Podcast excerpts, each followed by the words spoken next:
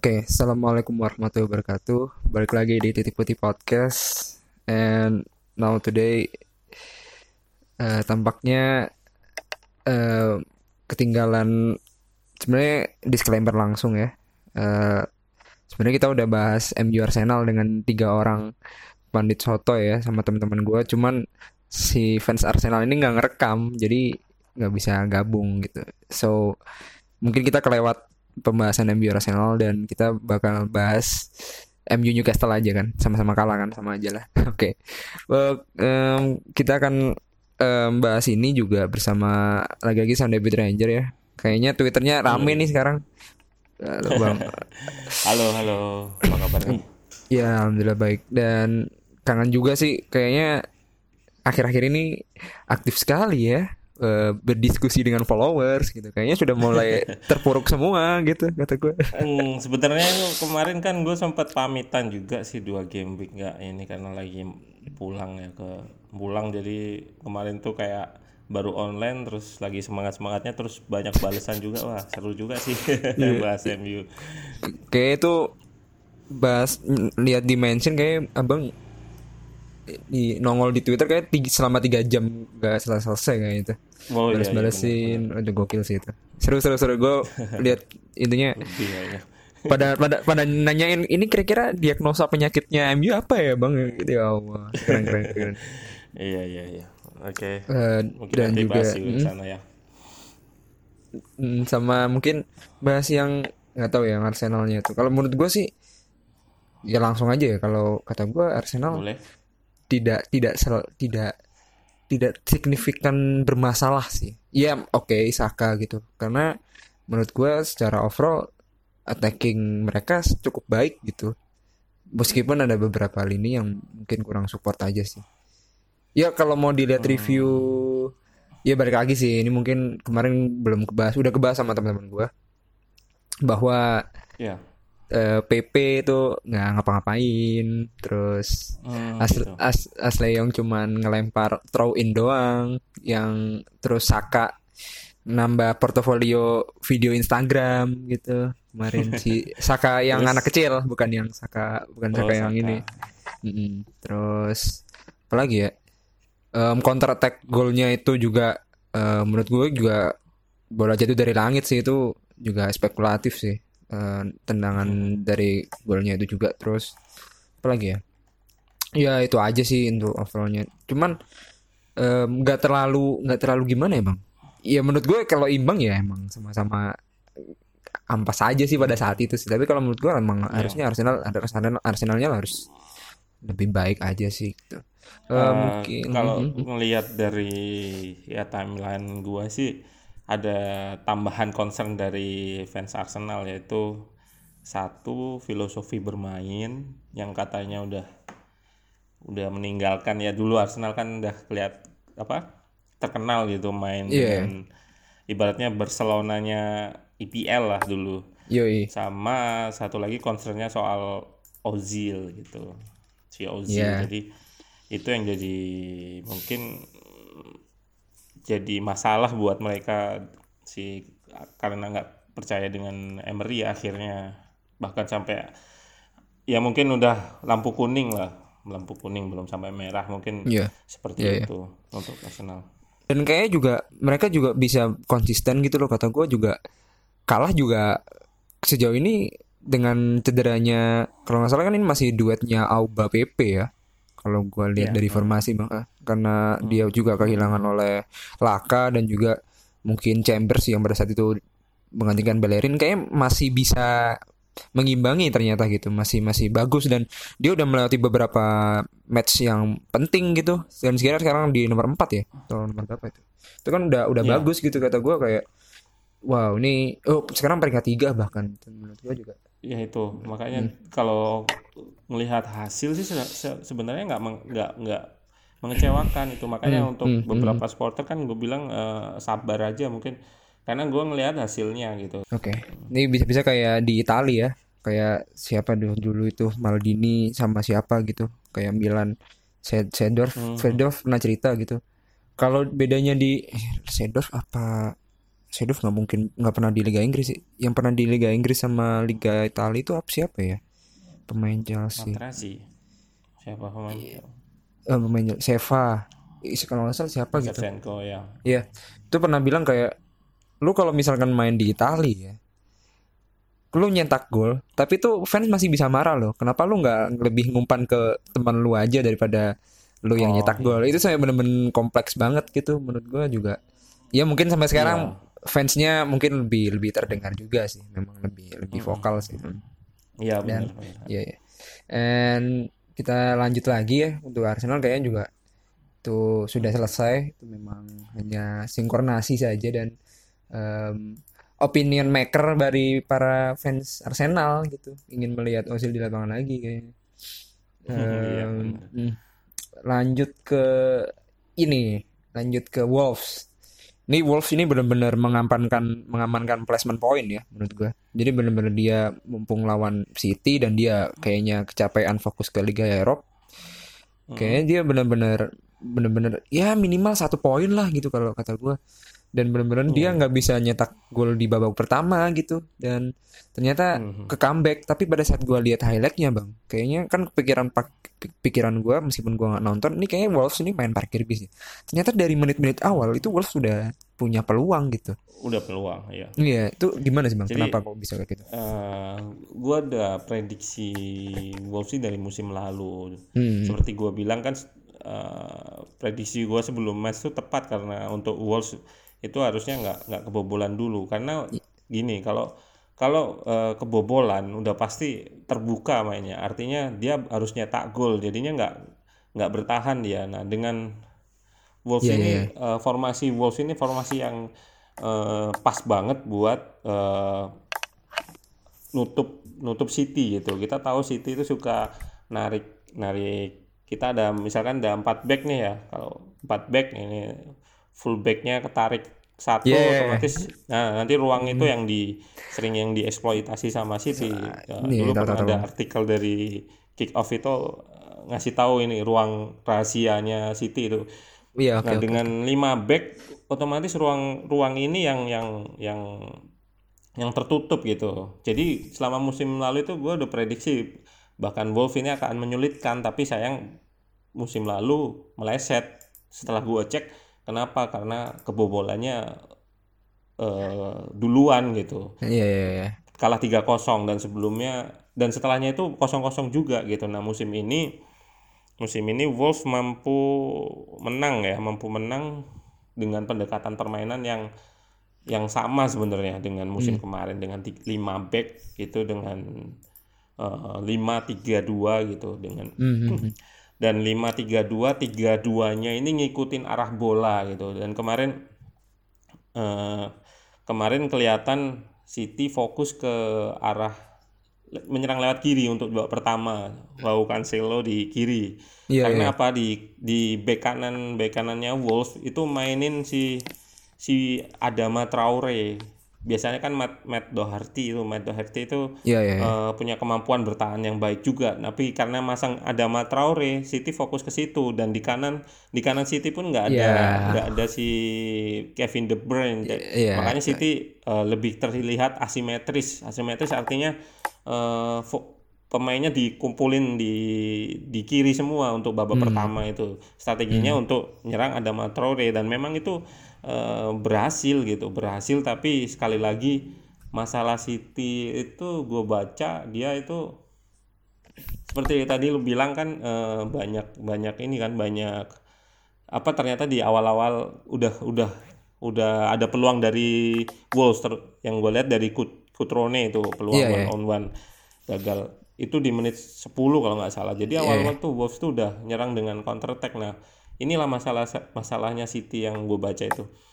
Sekali pressing mereka ke buka ya udah backnya itu ke expose. Inilah yang terjadi di babak pertama di peluang Kutrone dan yang jelas ya di dua golnya si Traore itu.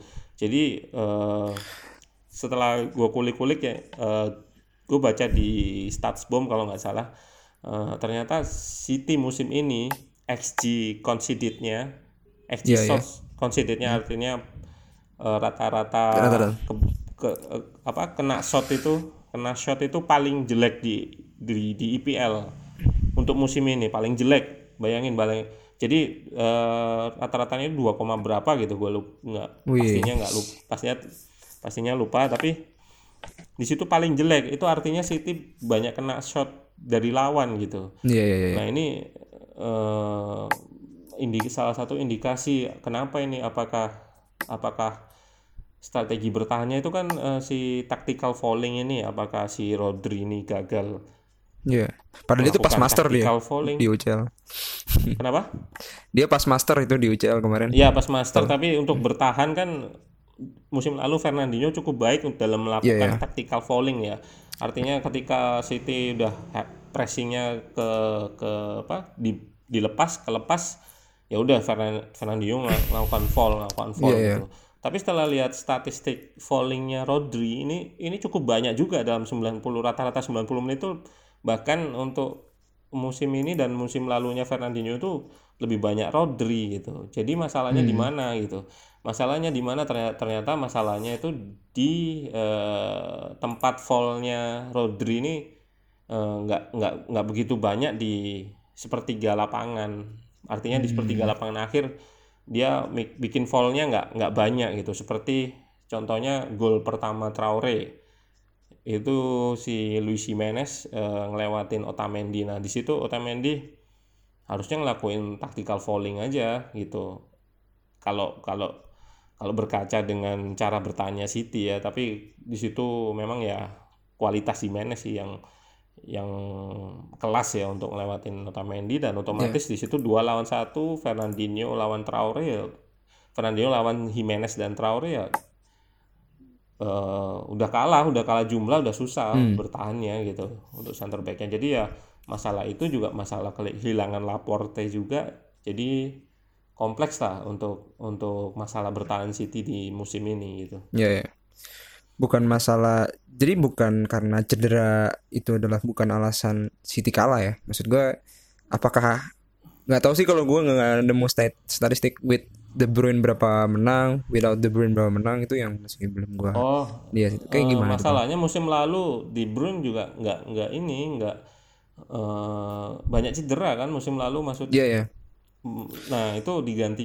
Nah itu salah satu juga kenapa si City di artikel yang gue baca Statsbomb itu uh, mempertanyakan mempermain apa mainkan Gundogan ternyata uh, Gundogan ini biar uh, bantu si Rodri jadi mainnya double pivot gitu, double pivot dalam bertahan gitu. Seperti hmm, itu. Tapi hmm. dalam menyerang Gundogan ini nggak nggak nggak nggak seagresif Bernardo Silva atau bahkan Kevin De Bruyne gitu. Itu yang kemarin gua kaget juga kok mainin si Gundogan. Ya mungkin untuk untuk itu untuk membantu Rodri dalam bertahan tapi tetap aja sih uh, toh nggak berhasil gitu nggak berhasil. Yeah. dan akhirnya kan Bernardo Silva masuk di menit ke 58 tapi masuknya menggantikan Mahrez dan memang Mahrez nggak nggak nggak kelihatan sih kemarin nggak kelihatan. Ini apakah benar ya dus dua shot on goal beneran dengan ini? Ini apakah banyak yang bilang worst match dari Pep ya? Atau kayak gimana ya bang? Menurut bang sendiri. Ini orang-orang nah, itu itu uh, worst match bingung, ya? kan kita harus harus kita lihat juga lawannya gitu. Kita jangan uh, menyalahkan si Pepnya aja. Kita yeah, harus yeah. mengapresiasi lawannya juga gitu. Mm. Wolves memang bertahan dengan baik gitu. Itu yang yang jadi masalah. Ketika uh, bagusnya formasi 5 back ini kan ketika City overload di sebelah kiri mau dipindah ke kanan itu back back paling back kirinya Wolves paling kiri Wolves tuh siapa kemarin Ruben Vinagre yang main itu masih ada gitu masih jagain Mahrez gitu jadi itulah yang bikin uh, City juga sulit untuk menciptakan peluang gitu. Iya. Yeah.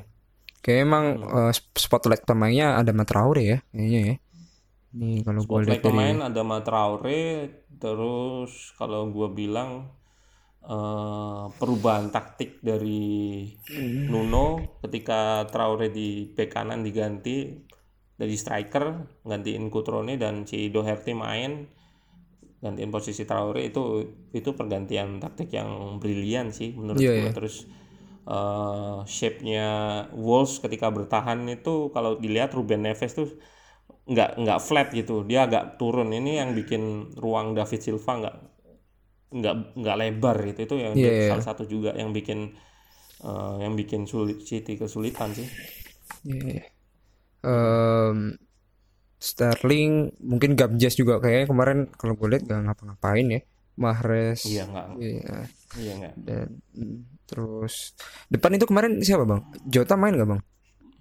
Jota enggak, main ya? enggak, karena itu uh, Jota cedera. Itu juga kemarin kayaknya salah satu faktor yang bikin Wolves itu peluang awalnya tuh bagus banget tuh tapi hmm. gol gara-gara itulah makanya Kutro ini diganti itu yeah, salah yeah. satu mungkin kekurangan Wolves kemarin ya yeah, ada yeah. Jota hmm. Wah iya bener juga nih Traore juga dua gol Jimenez malah asis dua-duanya gitu dan yeah. hmm, Mahrez juga nggak dapet Wah ini gokil sih ini emang berarti bukan karena uh, ekspektasi gue karena bukan karena parkir bis ya ini emang karena um, perubahan uh, yang dikasih sama Nuno untuk uh, Pep ini fokus ke Traore ya benar sih bang kayaknya ya fokus ke Traore tapi ya memang dibilang parkir bis ya parkir bis juga karena kita tahu sendiri 73% penguasaan dipegang iya City sih. itu cuman 76% sama 24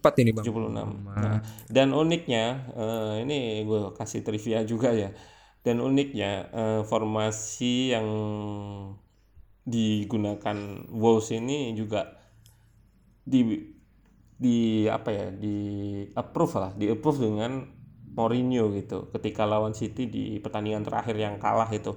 Mourinho itu ngubah dengan tiga back. Tujuannya Mourinho itu baca kalau City itu uh, suka narik fullbacknya ini gitu fullbacknya si empat back gitu yeah, yeah, kalau yeah. ketarik kan otomatis tinggal tinggal tiga back kan tapi kalau yeah. dengan main lima back masih ada empat back gitu itu strategi yang digunakan Mourinho juga cuman iya. karena Mourinho nggak biasa pemain-pemainnya terutama nggak bisa bermain dengan sistem 5 back ya nggak se nggak se perfect 5 backnya Nuno gitu iya iya sih, itu sih yang hmm.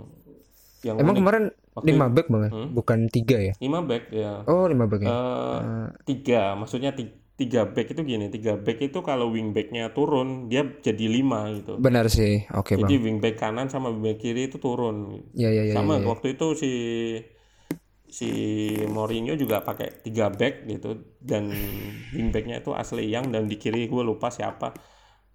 Uh, yang diserang City si asli yang ini ya, yang ya. sering ketarik.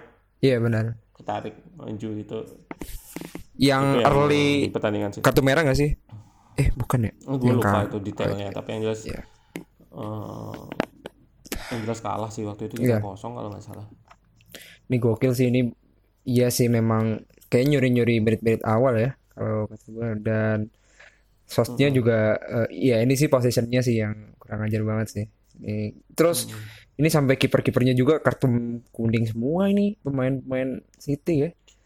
Ini udah satu dua oh, tiga si empat Ederson kemarin lupa gue Eh, kartu kuningnya kenapa?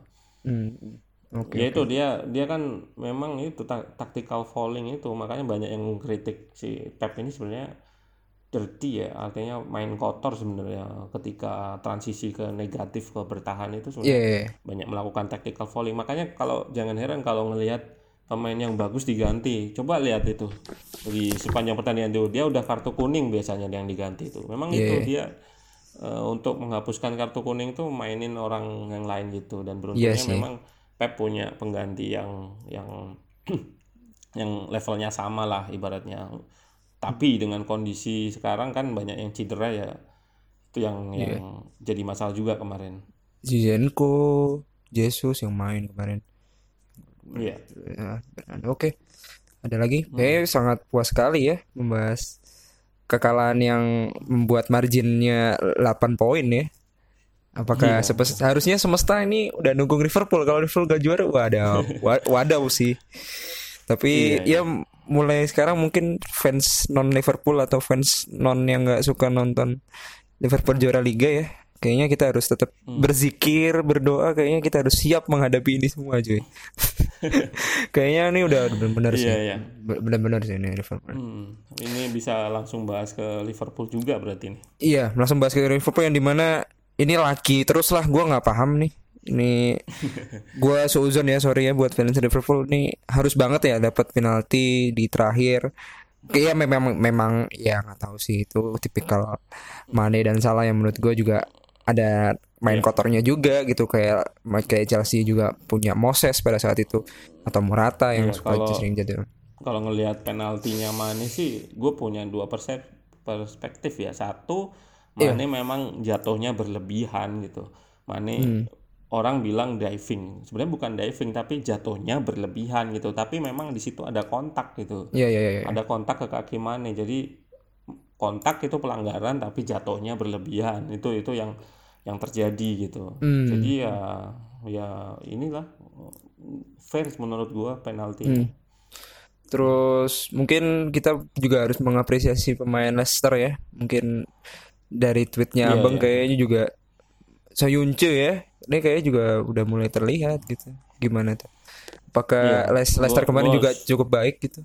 Atau gue ngetit Soyuncu itu ketika Leicester menang 1-0 ya Madison nyetak pokoknya gue milih Soyuncu sebagai man of the match gitu. Karena Soyuncu ini tipe mungkin kalau kita main bola di kampung atau di ini tipe pemain yang diteriakin pemain lain, weh umpan, weh umpan gitu. Yeah, yeah, yeah, Karena dia dia ini nggak nggak mau umpan gitu, maksudnya hmm tenang banget di belakang itu pasti yeah. Iya. digocek dulu baru diumpan diumpan itu bikin panik semua uh, kalau kita main di kampung itu bikin panik gitu padahal oke okay sih dia sangat yeah, yeah. bagus sekali untuk ininya untuk ketenangan dia komposurnya hmm. nih Milner nih nah, dengan gaya ala-ala sokulnya ya like a boss nih asis dan juga nyetak final nyetak penalti juga dan yeah. um, apa ya? Kata gue ya ya gimana ya? Ini akhir-akhir ini Liverpool kayaknya hoki gitu kata gue bukan bukan kemarin doang gitu. Fixture nah, terakhir-terakhir juga. Ini juga ada hmm. soal hoki ini juga benar sih memang hoki. Uh, karena uh, ada konser tersendiri yang di dibuat di Stadsbom itu. Uh, Liverpool Salzburg ini loh, terutama hmm ya waktu lawan Salzburg terutama itu itu ada kecenderungan Liverpool nih XG conceded-nya naik gitu artinya lawan lebih gampang uh, menciptakan peluang dan yeah, yeah.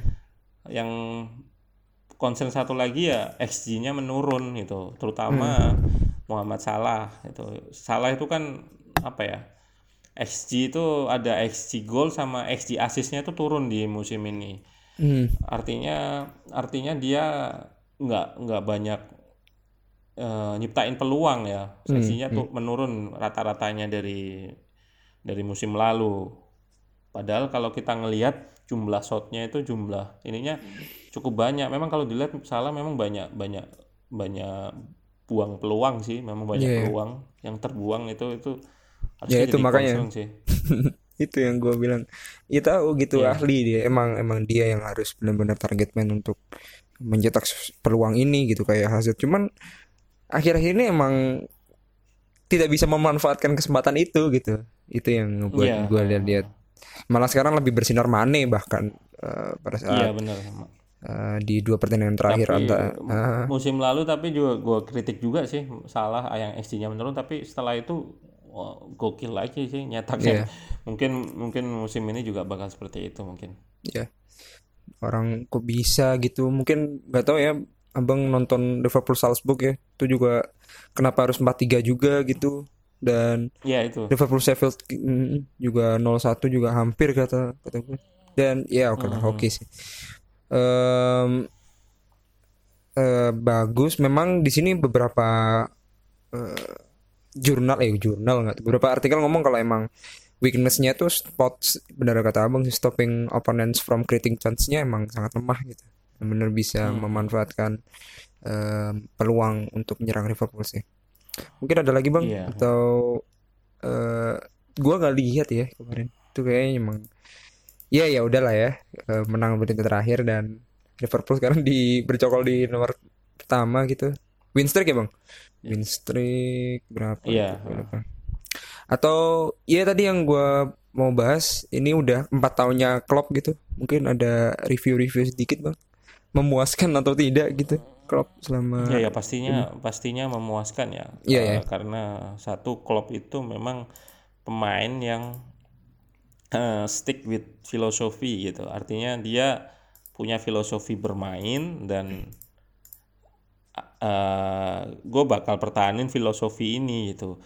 Dan uniknya kan dia uh, mem membeli pemain berdasarkan filosofinya ini gitu jadi hmm. coba dilihat belinya Wijnaldum gitu terus uh, intinya Fabinho. pembelian pem, hmm. uh, cepet jual Coutinho juga yang dikritik yeah. sama fansnya gitu Iya iya iya. malah malah lebih bagus bahkan waktu mm. Mane itu kalau nggak salah yang ditargetin tuh Isco atau siapa gitu penontonnya lebih pilih itu tapi belinya Mane gitu. Hmm. Ternyata ternyata memang uh, perhitungan itu sangat tepat ya karena Mane bukan soal cetak gol aja karena Mane termasuk pemain yang uh, menyeramkan ya kalau kalau tanpa bola gitu. Yeah tanpa bola itu sangat um, bikin back nggak nyaman dengan dideketin oleh Mane itu itu salah satu salah satu pembelian pembelian yang terbaik sih pembelian terbaik Mane dan sesuai dengan filosofi itu itulah uh, bagusnya klub jadi dia punya filosofi uh, meskipun di musim pertama mungkin dibilang nggak bagus kehilangan pemain besar dia stick with with filosofi itu beli pemain. Yeah. dan pemain yang cocok itu dididik sama dia atau dilatih sedemikian rupa guna guna uh, keluar performance terbaiknya. Itu itu klub mm. yang ter, terlihat uh, di di mana? Di empat tahun ini. Coba lihat formasinya taktiknya. Nggak ada yang berubah sebenarnya. Karena yeah. itu iya. karena dia punya filosofi sama dengan Guardiola. Guardiola juga 4-3-3 dasarnya. Uh, mungkin tweaknya ada lah setiap pertandingan seperti ini. Kayak kemarin asimetris gitu yeah. tapi itu sedikit gitu perubahannya nggak nggak mendasar nggak seperti Pochettino gitu misalkan main 4-2-3-1 4 4 4-4-2 diamond gitu itu kan berubahnya cukup drastis tapi mereka nggak Guardiola Klopp itu pema, pema, pelatih yang proaktif gitu proaktif untuk memainkan filosofinya gitu hmm oke oke oke so much fun ya. Um, hmm. Kalau dari gue sendiri sih, ya udah dapat Champions League dan juga Super Cup ya.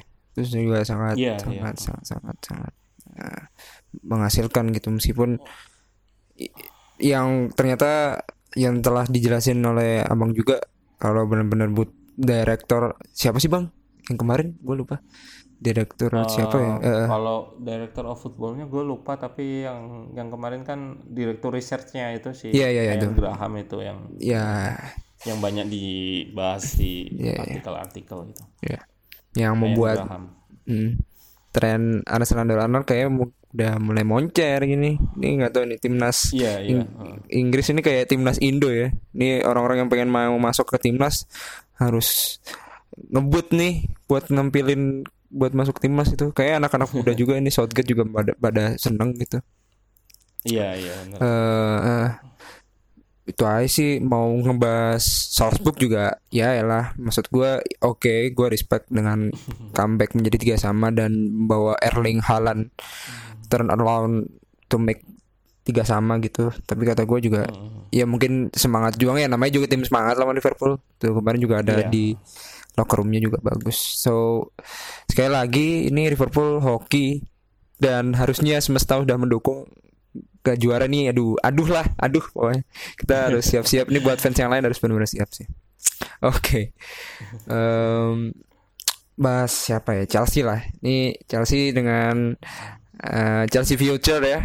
Chelsea Academy Army nih. Yeah. uh, dengan satu empat tuh uh, dengan bromance-nya si Pulisic mana nih Pulisic nggak main mana nih Pulisic nggak main dikasih asis ending ending buat Batshuayi diem lu semua cuy maksud gue kalau dari gue sendiri ya bang beda dengan yeah. Hudson Odoi dan juga Christian Pulisic ya yang di mana mm. kedaruratannya Odoi harus bermain daripada Pulisic itu menurut gue porsinya beda gitu. Kalau menurut gue Pulisic kalau sekarang nggak main terus orang-orang uh, apa ya? Iya opinion maker menggiring bener-bener ini ke mana sih Pulisic ini ada masalah sama Lampard? Enggak juga gitu. Karena Odoi kemarin Odoi kan bener-bener kayak bener-bener link Bayern terus ini bener-bener akademi yang kayaknya harusnya udah main tapi nggak dipilih itu yang lebih lebih hmm. anu sih. Tapi kan polisi kan oh, itu yang yang menurut gue concernnya adalah be, apa ya mungkin belum belum waktunya juga dan ya Lampard lah gitu. Mungkin karena dia ingin mengembangkan anak-anak mudanya ini. Akademinya dulu. iya akademinya dulu yang pembelian membuat gue polisi kan bukan pembelian dari Lampard kan? Iya iya iya sih. Iya ya benar benar benar iya benar. Iya juga ya itu jadi menurut gue jangan ya boleh lah lo mau ya namanya seperti tadi sih fans juga udah vokal gitu. Kata gue kalau yeah. dari pribadi gue sendiri sih polisi nggak main beberapa match sebagai starter mah gak masalah aja gitu. Karena gue juga bagus-bagus aja. Kalau menang. Kalau menang dong ya itu. Hmm. kemarin ya, itu, itu kalau hmm. kalau alasan dibalik uh, polisi nggak main sih gue gue dari taktik nggak nggak terlalu paham juga sih kenapa yeah kenapa dia dicadangin gitu. Karena gue juga nggak nggak terlalu banyak nonton polisi di sebelumnya gitu. Jadi yeah, yeah. bahkan Odoi pun juga gue juga nggak nggak nggak banyak nonton gitu tapi kalau gue nonton pertandingan kemarin itu cukup cukup cukup seru ya serunya itu di di perang taktiknya untuk melakukan high press gitu jadi yeah, yeah. Hasan Hatel ini kan uh, terkenal gitu terkenal di Leipzig kan terkenal permainan bahkan ada yang bilang itu versi B-nya Klopp gitu. Iya iya iya iya. Intensitas high pressingnya gitu. Jadi kalau ngelihat pertandingan kemarin itu ya perta pen, apalagi babak pertama ya itu permainan jual beli high press. Iya yeah, Kita yeah, ngelihat bahkan uh, di ketika Chelsea build up gitu. enam pemain enam pemain mana South Southampton yeah. ada di ada di dekat pemain Chelsea gitu Hmm. Dan sama juga yang dilakukan uh, Chelsea ketika build up si Southampton build up mereka formasinya berubah jadi 4-2-4 gitu. Empat pemain empat empat pemain depan ini si siapa sih paling kiri paling kiri Odoi depan dan de, tengah depan Mon sama Abraham dan kanan si William ini hampir hampir flat gitu untuk iya, ngepres yeah, yeah backnya backnya si Southampton. Nah ini yang yeah. yang yang jadi awalan golnya gitu. Back back Southampton ini bukan back yang ibaratnya tenang dengan bola kan. Yeah. E, gol gol pertama, gol kedua itu kan dari masa kesalahannya Southampton kan kalau nggak salah yeah, yeah. dua apa tiga gol itu. Jadi hmm di press terus Southampton bikin kesalahan umpan direbut bolanya dan dicetak gol. Iya iya. iya. Gol golnya Temi Abraham juga gitu tapi kondisinya waktu itu jauh apa lagi naik backnya di umpan jauh sama si siapa itu? Odo ya. Mm. Odo yang pertama terus gol kedua itu dari kesalahan Southampton pem, apa kesalahan tapi kesalahan ini bukan mm. karena kesalahan diberi ya karena ya ini efek dari high price-nya si Chelsea gitu makanya nggak nggak tenang si back back Southampton dalam yeah. memberikan umpan iya yeah. itu, itu. Uh, mm. mungkin abang bisa ini gue masih heran ya gimana ya maksud gue apakah gue harus menyalahkan Zuma atas gol yang terjadi sama Soton ya atau mungkin abang bisa tahu nggak sih itu kan benar-benar prosesnya ngelewatin empat pemain sih gue lebih hmm. gue lebih bingung ya ini lebih mau mengapresiasi dia ngegojek empat pemain yang ganteng-gantengan doang atau emang hmm. uh, late late itu aja untuk ngebendung si Zumanya aja sih gimana sih bang kalau yang golnya itu ya ya dua faktor itu dua faktor hmm, itu hmm. sama-sama jadi faktor kebobolannya jadi yeah. menggocek empat pemain dan Zuma juga telat nutup tapi okay. kita jangan ngelihat di golnya si Zoom di gol ini aja gitu kalau nggak hmm. salah uh, babak pertama itu kan akhir babak pertama itu ada peluang dari Dani Ings yang kosong karena iya, kesalahannya yeah, yeah. Tomori atau Zoma siapa itu Tomori apa Zoma itu karena F itu juga hmm. dihasilkan karena efek high pressnya si Southampton gitu loh. Hmm. Jadi nggak tenang juga bawa bola dan beberapa yeah. kali sih sebenarnya Chelsea juga melakukan kesalahan itu itulah yang bikin SG-nya si Southampton juga tinggi sebenarnya di pertandingan yeah, yeah. kemarin berawal dari kesalahan-kesalahan uh, backnya ini hmm. gitu sih dan gua. Hmm. Hmm. mungkin Tomori sama Zuma masih belum ini ya um, areal duel aja masih rebutan gitu masih belum chemistry belum jalan kayak ini ini karena iya, iya. ya Kristensen ya hmm. Kristensen sama menurut gua tuh back ini uh, sulit sulit sekali ya di era modern ini karena apa ya? Uh, taktik itu yang berkembang kan banyak kan ya menyerang. Menyerang itu banyak sekali variasi taktiknya tapi untuk bertahan nggak ada gitu. Ya yeah, benar nggak ada nggak ada variasi apa yang harus bertahan itu apa itu nggak sekencang perubahan taktik menyerang. Ini yang yang kita harus bisa memaklumi pekerjaan back itu sulit gitu. Iya iya iya. Iya iya iya. Oke oke. Oke ya ya kalau dari gue seneng mungkin kurang lengkap kalau nggak clean sheet itu aja sih. Tapi kalau lihat dari overall nah itulah. uh, balik lagi nah. kan ekspektasi fans tuh pasti selalu tinggi. Iya iya iya benar bang. Iya. Kayak kurang ada kurang aja kayak eh uh, satu ya ampun iya, kayak iya, uh, pasti iya. gitu. Iya iya sih iya sih benar juga. Hmm. so itulah Chelsea future udah udah masuk. Udah dipanggil semua bahkan. Itu siapa aja tuh masuk aja tuh semua tuh di Inggris. Udah ada mau. iya. empat kalau nggak salah empat ya Tomori terus si Billy Gilmore di Scotland. Ya semua lah tuh gue sangat oh. mm. iya iya.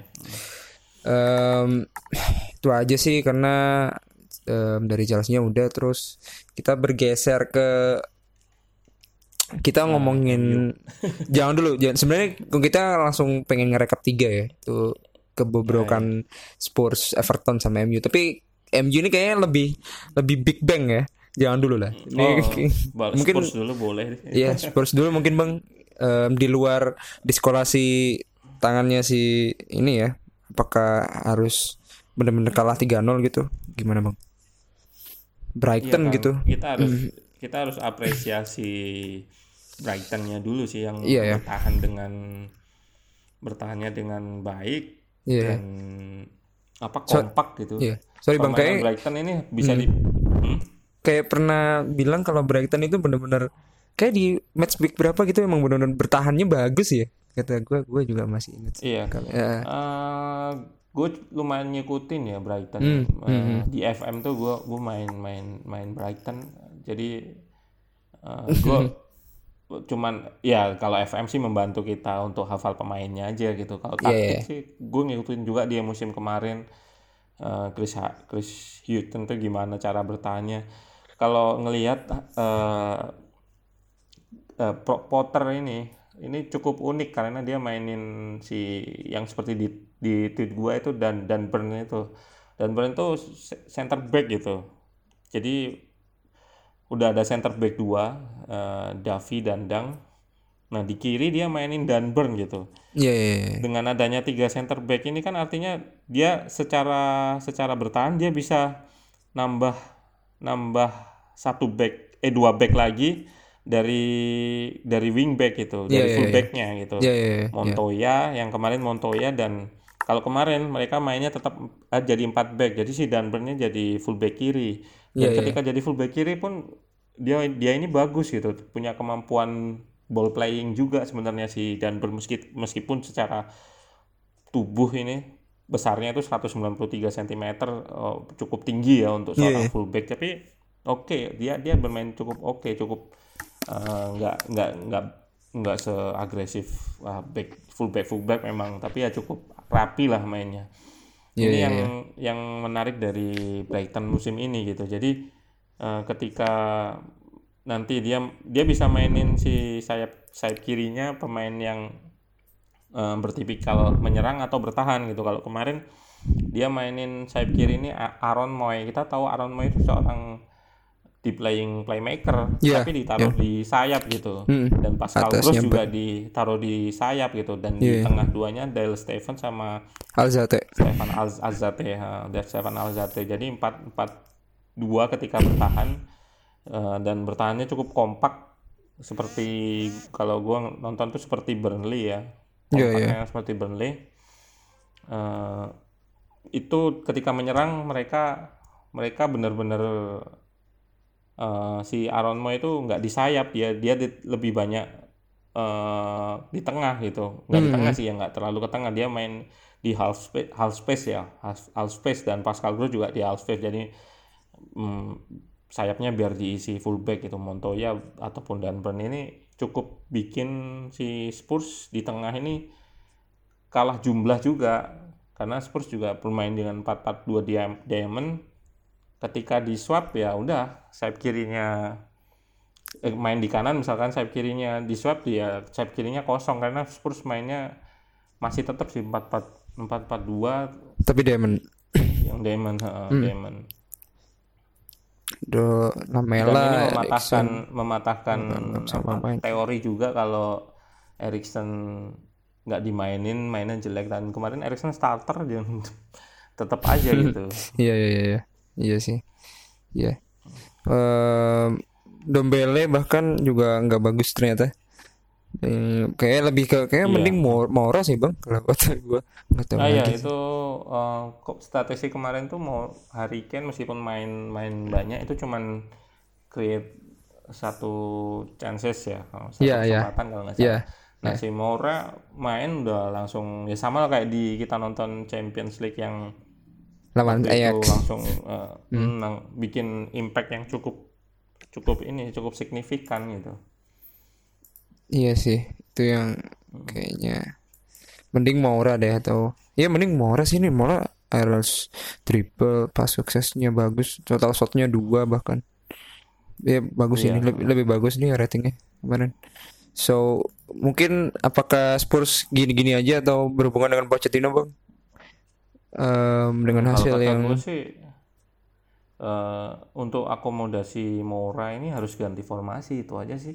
Mm-hmm. Uh, kalau karena sekarang kan dengan 442 Diamond kan dia juga mainin Lamela juga itu yang yang yang yang bikin Mora juga nggak punya nggak punya tempat gitu di di formasinya gitu karena yeah. mainin si Lamela juga. Iya. Yeah, yeah. Ya itulah Uh, Iya sih, iya iya benar-benar. Um, mungkin juga salah satu faktor Spurs nggak mau ketemu tim yang awalnya B ya. Waduh. Udah 10 gol 10 gol aja tuh kebobolannya. Dan iya, iya. Uh, uh, dua minggu lagi Spurs Watford harusnya sih harusnya bangkit dari situ ya. Meskipun Watfordnya juga lagi terpuruk. Terus hmm. lanjut ke UCL juga lawan Trevna Zeda ini mah gampang harusnya jangan sampai lawan Olympiakos aja dua sama gitu. Leicester dua satu. Colchester bahkan gak, lol gak, lolos kan itu? Carabao iya, Cup ya? iya iya itulah. Iya. Iya iya ya, itulah. So Spurs semoga bangkit ya. So nih nggak tahu ya. Everton produk lagi nih. Malah sekarang yang nomor tiga nih Leicester ya. Nih semoga iya iya. uh, prediksi abang ini juga bagus ternyata nomor Leicester ya Iya, waduh, waduh, gua juga bingung tuh. Kayaknya yang lagi bagus-bagusnya Chelsea kenapa nomor 5 gitu kata gue ternyata ada yang nyelip gitu. So dengan Seamus Coleman, Dinye, Carvit Lewin ya lebih tepatnya di depan itu bukan di Reason ya. Iya. Uh, uh, itu yang membuat gue ini benar-benar bagus gitu. Ya mungkin nggak tahu lah. Hmm untuk informasinya. So kita lanjut ke yang paling kita tunggu-tunggu nih. Ini nggak tahu ini apa penyakitnya ya. Ini kayak Joker aja mental illness tapi nggak mau cerita ini MU ini apa penyakitnya gitu. Um, kita bakal apa dulu ya? Kita mau jeda dulu lah di segmen selanjutnya. Bentar. Oke. Okay. Oke, okay,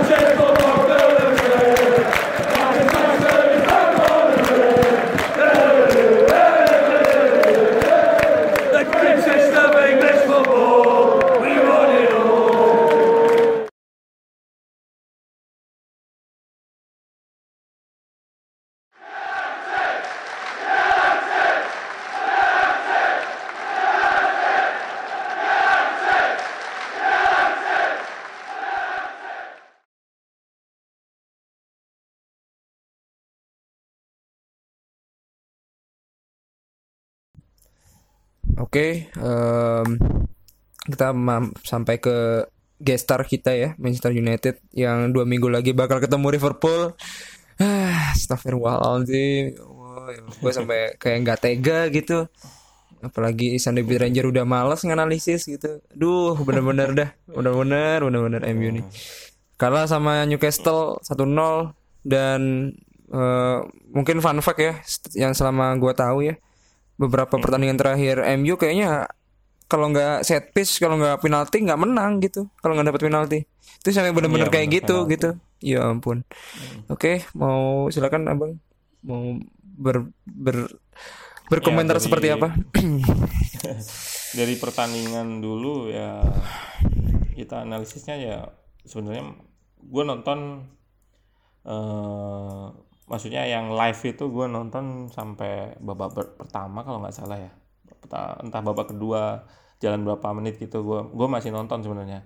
Hmm. uh, di awal-awal babak gue rasa ada positif gitu pemain MU positifnya itu ketika ada Fred uh, banyak pemain yang berani di depan gitu. Artinya apa? Dibanding pertandingan sebelumnya yang uh, fullbacknya nggak terlalu banyak naik. Nah kemarin si siapa? Dalo sama si Yong itu cukup berani naik gitu. Jadi mm -hmm. jadi di sini uh, ada opsi gitu.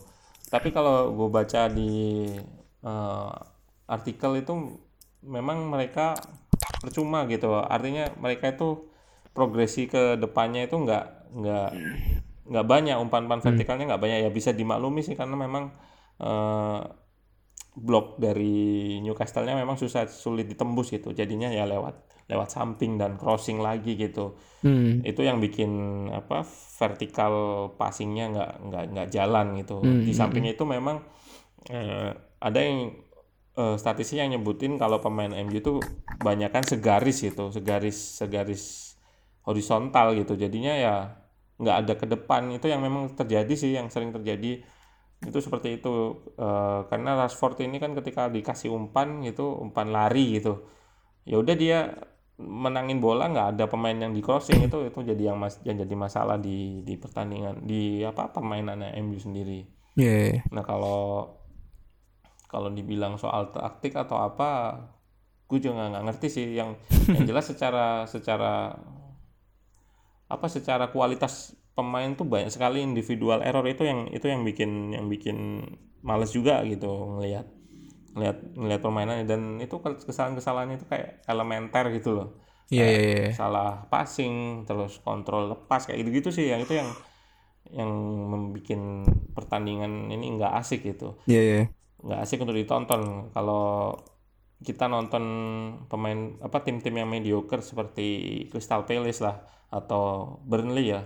Iya. uh, kesalahan-kesalahan kayak gitu itu uh, jarang gitu minimal sekali gitu dan mereka terorganisir sekali meskipun pemain, apa kualitas pemainnya itu nggak nggak bagus ya memang eh, nggak uh, bisa bikin misalkan kayak uh, kayak Chelsea gitu kan punya pemain-pemain yang cukup cukup punya skill gitu. Iya yeah, yeah. Kalau nonton-nonton uh, MU ini ya benar sih peringkatnya nunjukin kualitas pemainnya. Artinya gini, kualitas pemain permainan pemainnya gitu, bukan kualitas pemain ya, tapi permainan pemainnya di selama selama berapa berapa game week nih, berapa udah udah sembilan ya dia. sembilan game yeah. week ya peringkatnya itu udah nunjukin dah uh, kualitas permainan pemainnya gitu. Mm. Dengan kualitas pemain yang bagus tapi kualitas permainannya itu nggak nggak nggak bagus gitu. Yeah, yeah.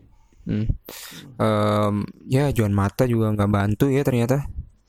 Tuh hmm. juga. Hmm. Uh, uh. Itulah itu yang yang gue bahas kemarin kan uh, banyak pe, uh, kalau kita ngelihat gesture ya gesture seperti Asen Hotel terus kemarin Solskjaer itu yeah, yeah, iya. kelihatan yeah. mereka itu kecewa gitu. Asen Hotel tuh uh, sering sering kecewa ngelihat pemainnya dan kayak pasrah gitu pasrah atau atau nggak nggak bikin nggak teriak lah nggak apa kayak ya memang kok, kok pemainnya memang lagi jelek gitu. Iya. Yeah, yeah, yeah. Soldier kan banyak dikritik.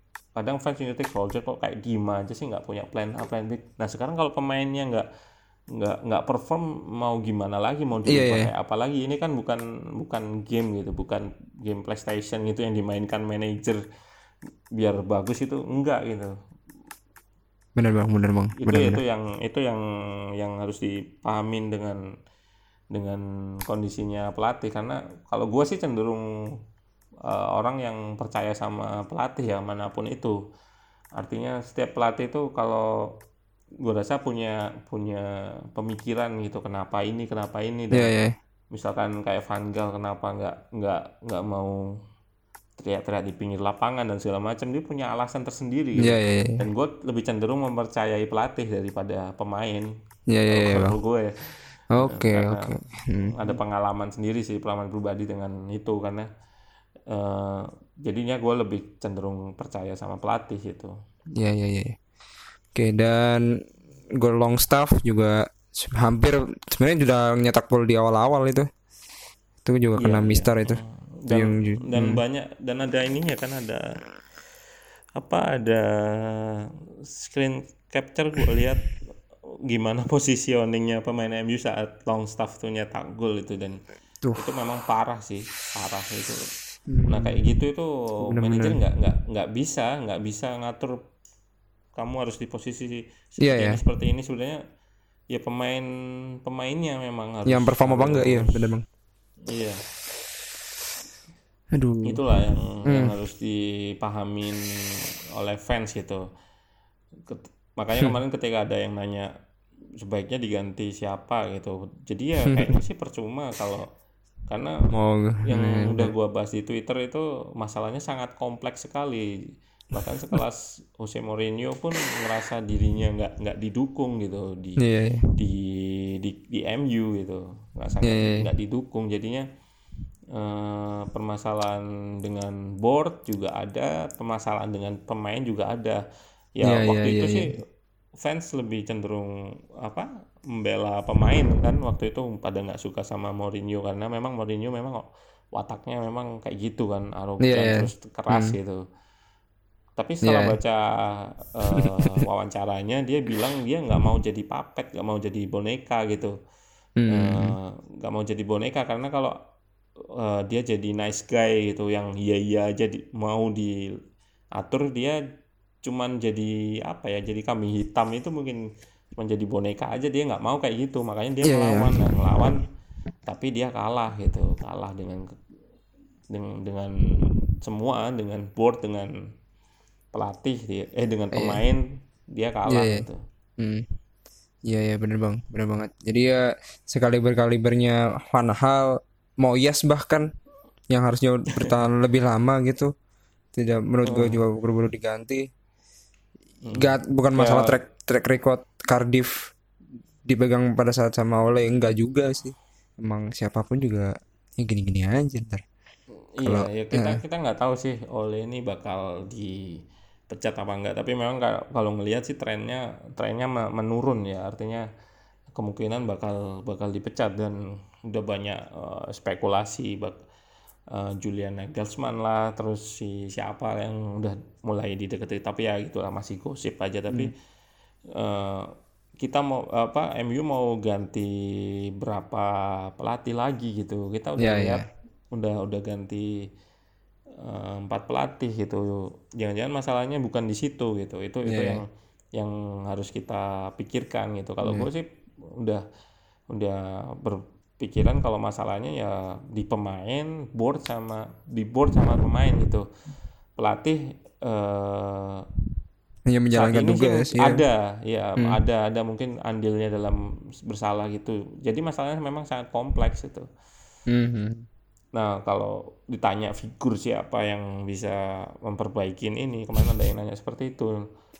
Uh, mungkin figur yang benar-benar benar-benar punya power ya. Powernya itu nggak cuman ke bawah ke pemain tapi juga power ke manajemen gitu. Itu itu yang yang dipunyain uh, sama kayak Sir Alex kan. Sir Alex itu kan uh, menghandle semua gitu. Iya, yeah, iya. Yeah ya karena dia memang ada yang bilang juga bahkan Sir Alex lebih besar dari MU ada yang bilang seperti yeah, itu gitu yeah, yeah. ya karena memang kalau baca biografinya sih kayak biografi diktator sih memang yeah, yeah, kalau yeah, kita yeah. ngelihat ngelihat hmm. Sir Alex itu dan ternyata itu uh, meskipun dengan negatif diktator gitu tapi uh, berhasil gitu yeah, yeah, yeah. itu yang yang nah figur yang kayak gitu ini yang yang susah untuk untuk sekarang ini susah iya yeah, iya yeah, bener bang maksud gue um, gue sih kemarin udah ngobrol ini soal masalah Evra kan masuk manajemen atau gimana itu bang Evra itu sebenarnya lebih oh, sama ke... sih sebenarnya kayak Nicky Butt kayak Carrick itu kan mereka sekarang Carrick kan juga juga jadi asistennya si si Solskjaer kan yeah. nggak nggak yeah. nggak banyak bantu tapi mungkin ke manajemen pemainnya bisa dia yeah, ada yeah, yeah. bantu terutama pemain-pemain muda akan lebih respect gitu ke yeah. Evra tapi kalau gue rasa kayak pemain-pemain bintang kayak itu nggak nggak nggak bakal ini Iya yeah, yeah. Ya yeah. sih, hmm. tapi gua rasa ada sih, pasti ada yeah. efek. Mm. Ada efeknya nggak tahu kecil apa besar. Yang jelas yeah. cukup cukup positif dengan mm. kehadiran Eva, tapi apakah menyelesaikan masalah? Enggak. Yeah. Enggak belum tentu gitu, enggak mm. bakal sulit gitu. Yeah. Ya itu sih, itu yang mau gua komentarin Evra dan gua menyorot beberapa fans MU mengenai kedatangan Evra karena dia kan vokal banget ya anak Instagram yeah, banget vokal. lah Prancis Prancis fashionable banget lah. Temannya Pogba kayak dan dan lain sebagainya itu. Dia pada saat datang itu langsung kayak terlihat sok heroik gitu loh. Dia kayak gua datang nih I came up with Manchester United again. Yang lu mau hmm. lihat MU kalah lu mending minggir. Lu mau bener-bener ngebantu lu ke sini gua rangkul kayak gitu-gitu. Dan ada satu pernyataan yang gua sorotin bahwa sebenarnya kita sebagai fans MU itu udah merasa udah ngapain lagi harus harus ini harus beneran bawa legend banget nih untuk ngebela MU nggak bisa disalahin gitu. Kata gue bukan masalah legend itu merubah segalanya gitu.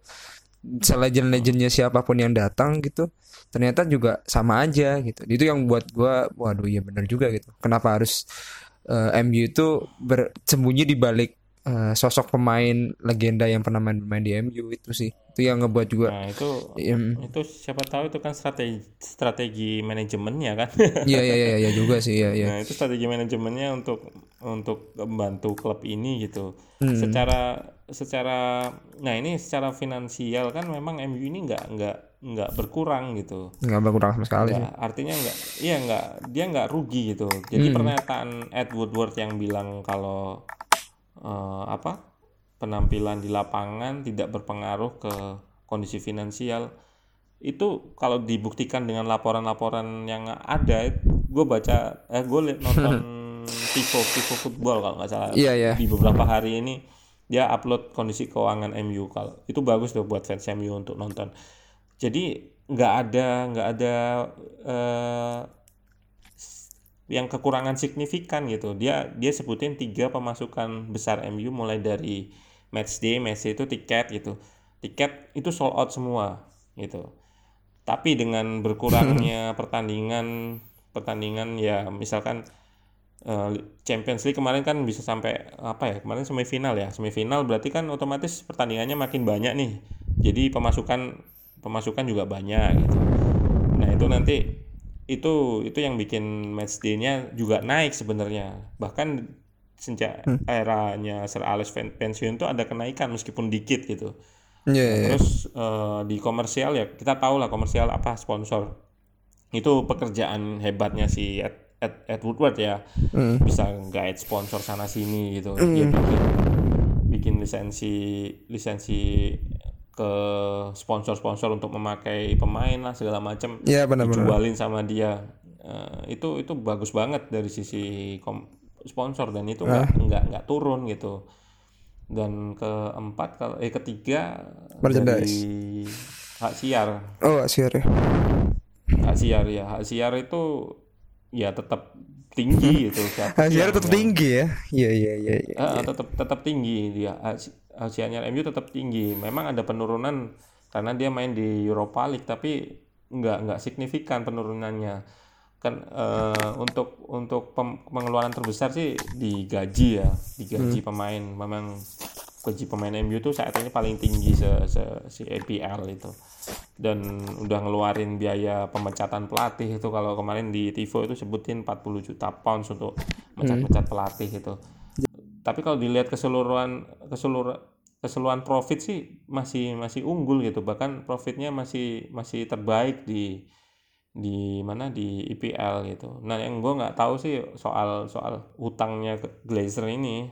Kan MU gaji mencat pelatih itu tinggi. Terus yang gue nggak tahu kan eh, sekarang hutangnya Glazer tuh berapa. Jadi kalau teman-teman banyak yang nggak tahu eh, MU tuh dibeli Glazer dari duit hutangan gitu jadi ya ya ya jadi itu yang bikin gerakan protes sampai bikin ada klub FC United of Manchester itu isinya jadi orang yeah, yang yeah. anti Glazer gitu dan uh, yeah, yeah. dia bikin klub baru buat nandingin MU ya memang ini uh, impossible sih cuman gerakan ini sangat sangat sangat sangat uh, heroik sekali buat buat gue ya jadi uh, waktu membeli itu kondisinya uh, diperas gitu.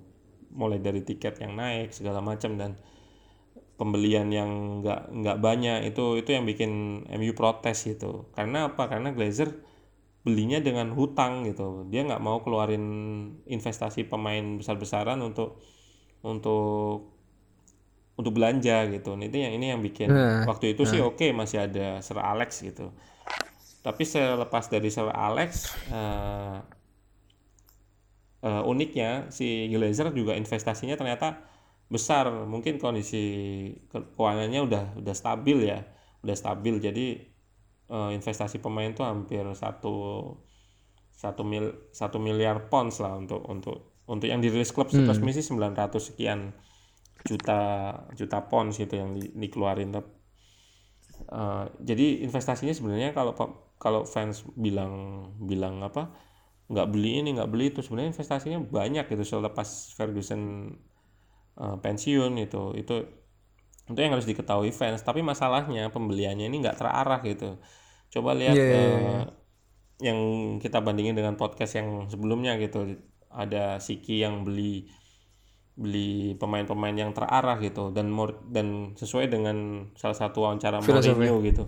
Ya sesuai dengan filosofi dan wawancara Mourinho bilang kalau tujuh tahun ini siapa pemainnya?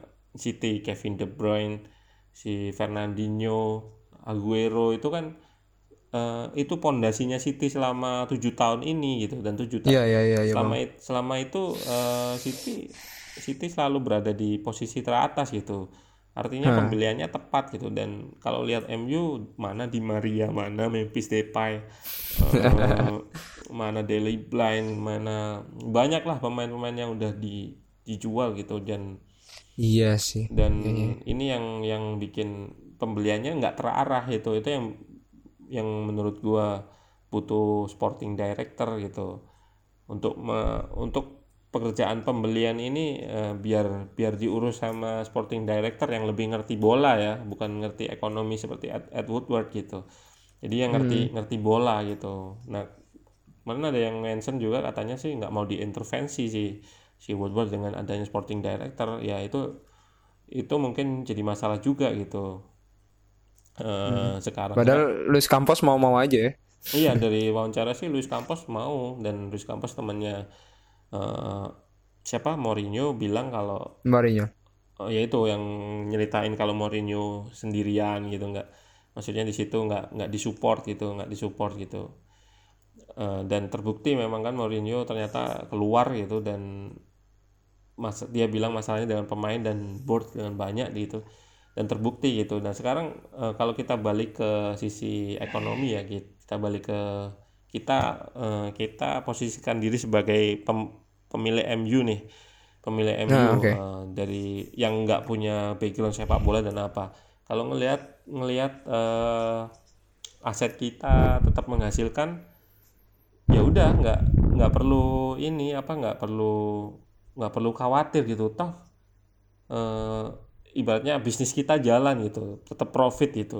Itu kalau kita ngelihat dari sisi owner gitu sisi owner ke Ed Woodward gitu penilaian dia jadi nggak perlu lah ada sporting director atau apa toh toh masih menghasilkan. Dia pemikiran itu seperti itu gitu. Karena ya itu karena dia bukan orang-orang bola gitu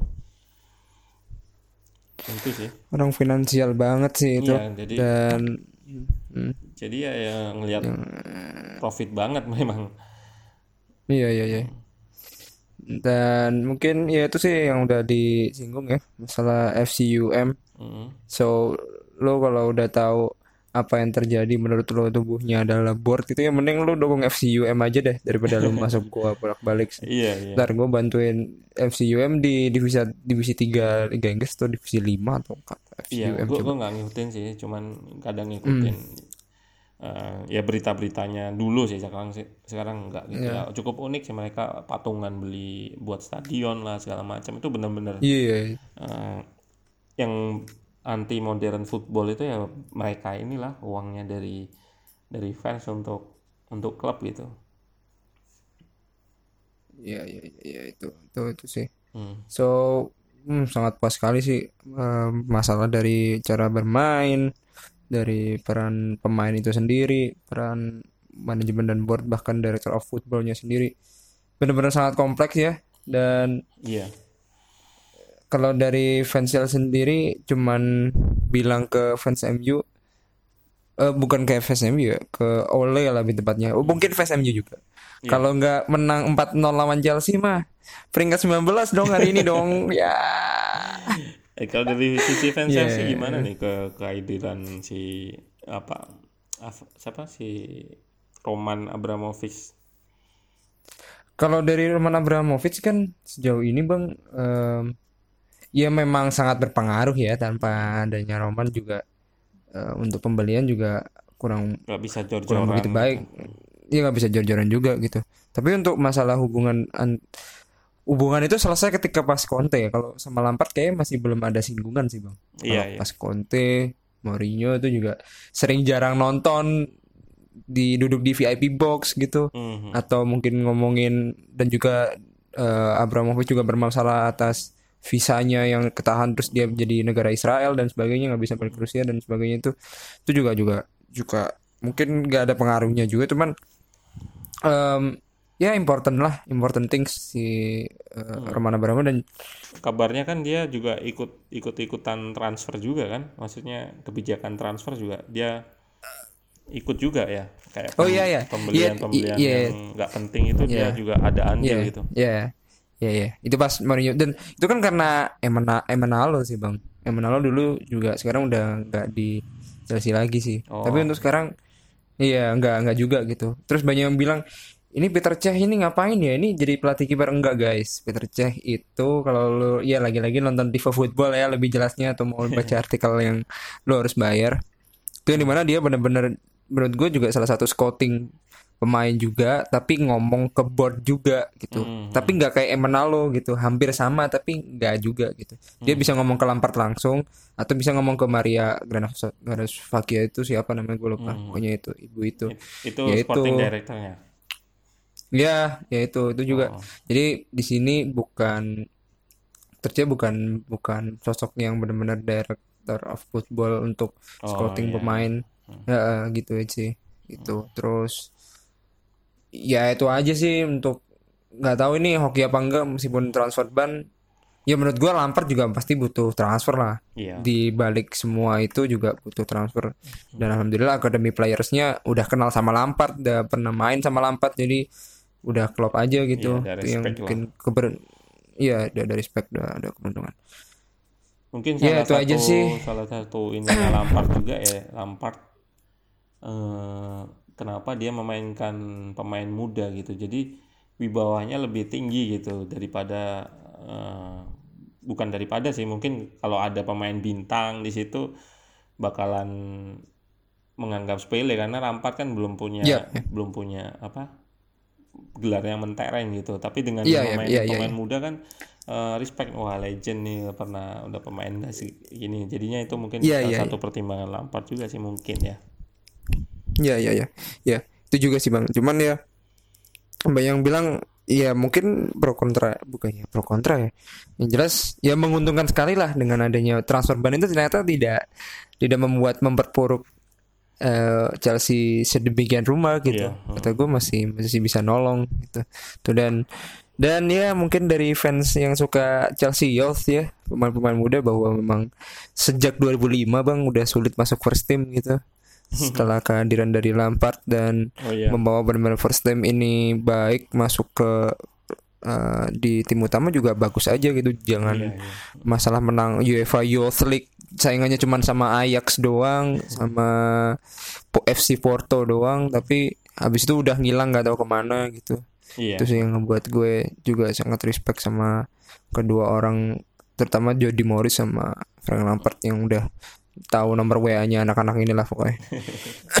itu itu sih. Okay. Um, uh, apalagi bang kayak udah ya kasihan nih kayak fans MU juga kayak panjang mm, juga. mungkin mm, bakal bakal bakal nyekip di menit-menit akhir kayaknya fans MU ini kayaknya main ditunggu-tunggu gitu. Iya. So mungkin kata kata-kata terakhir nih buat gue ya ya dunia berubah teman-teman yang di mana lo sedang berdeh jayanya dulu dan sekarang gue sebagai fans non MU yang merasa kasihan banget sama fans MU udah ditusuk-tusuk nggak udah nggak berasa gitu. Dia apa-apain udah nggak berasa. Jadi dan media makin kaya juga. Kalau mau ini mau ngomong bahas media disebutin nggak ya? Nggak usah lah. Hmm. kalau salah media di Indonesia itu ketika MU kalah habis dari Newcastle itu tiap aku ngitung itu setiap dua jam itu dia udah bikin empat artikel bahas MU doang gokil sih. Gokil demi clickbait astagfirullahaladzim. Nah, pokoknya itulah. Iya ya ya ya, ya sih memang. Iya komoditi ya itu. Bahkan sekelas gol pun aja ya oke. Okay. ini tapi ini ini nggak nggak nggak terlalu aneh sih. Kelas kelas gol pun aja bilang kalau ini kira-kira kalau misalkan pemain MU bakal pindah ke Liverpool sama City itu siapa aja loh gitu banget gitu ya iya yeah, yeah, sampai situnya lah. Ya itulah. Um, tetap bersabar karena ya kayak iya ini kayaknya ya, bakalan yeah. lama juga sih. Iya kan udah di announce juga bang di kalau gue kan baca ESPN kalau 2002 sampai 2022 udah nggak mau ngomongin gelar lagi lah si MU si dari Edward Woodwardnya sendiri udah ngomong kayak gitu Hmm, gitu. Udah nggak mau ngomongin masalah prospek mau ngejar atau apa. Tapi kalau memang benar-benar terpuruk kayak gini juga sulit juga gitu. Ya, Jadi selama iya, keuangan hmm. keuangannya aman sih, gue rasa sih Woodward juga bakalan nggak masalah gitu. Iya iya iya iya iya iya. hmm, ya. Padahal mah kemarin kalahnya sama tim yang keuangannya lagi iya kan iya. Newcastle itu kan ngomongin mana cuman juga, iya. juga juga sangat sangat sangat jelek juga. So anyway itu aja sih guys. Ini udah benar-benar cukup padat cukup um, sempat insiden mati juga nih tadi laptop gua anjir. So makasih buat teman-teman yang udah dengerin dan celebrate satu k pendengar ya. Terima kasih juga buat buat Sunday Beat iya Sunday Beat Ranger sudah membantu kita tanpa hmm. Sunday Beat Ranger kita hanya fans Chelsea sama MU yang ngeluh-ngeluh doang, gak ada yang dengerin kayaknya gitu. So, thank you buat semuanya dan mungkin um, ini mungkin menjadi salah satu uh, titik terang gitu ketika MU kalah tapi titik terang buat podcast kita. Waduh ngomongin mulu nih. Ya itu. Kita nggak bakal um, ngecengin MU dan kita harus bersiap bahwa Liverpool bakal juara. Itu aja sih guys. Terima kasih. Dan see you on next time. Assalamualaikum warahmatullahi wabarakatuh.